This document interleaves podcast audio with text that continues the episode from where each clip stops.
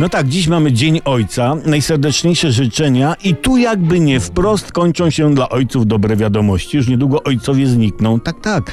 Nie tak dawno temu japońscy, koreańscy naukowcy, czytałem o tym, uzyskali mysz bez pomocy szczura, czyli samca myszy bodajże, tak?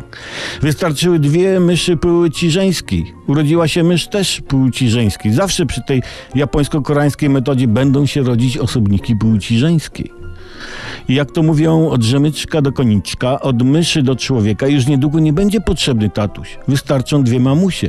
I o córeczce będzie się mówiło, oj, charakterego dziedziczyła po mamusi. No ale za to włosy to po mamusi. Już, już nic nie przejdzie z ojca na syna. Nawet katar. Jak mężczyzna będzie chciał zostać ojcem, well, to oczywiście będzie mógł, czemu nie, ale ojcem franciszkaninem, karmelitą bosym, czy tam jezuitą obutym. Już wkrótce przejdą do historii takie oklepane zwroty jak byłem z teściem na rybach, ale przygub się upił i wpadł do wody. Szwagier chodź do garażu, prawda? Nie będzie zięciów, teściów, szwagrów, w ogóle nie będzie ojców, bo przecież będą się rodzić same dziewczynki. Życie rodzinne zamrze.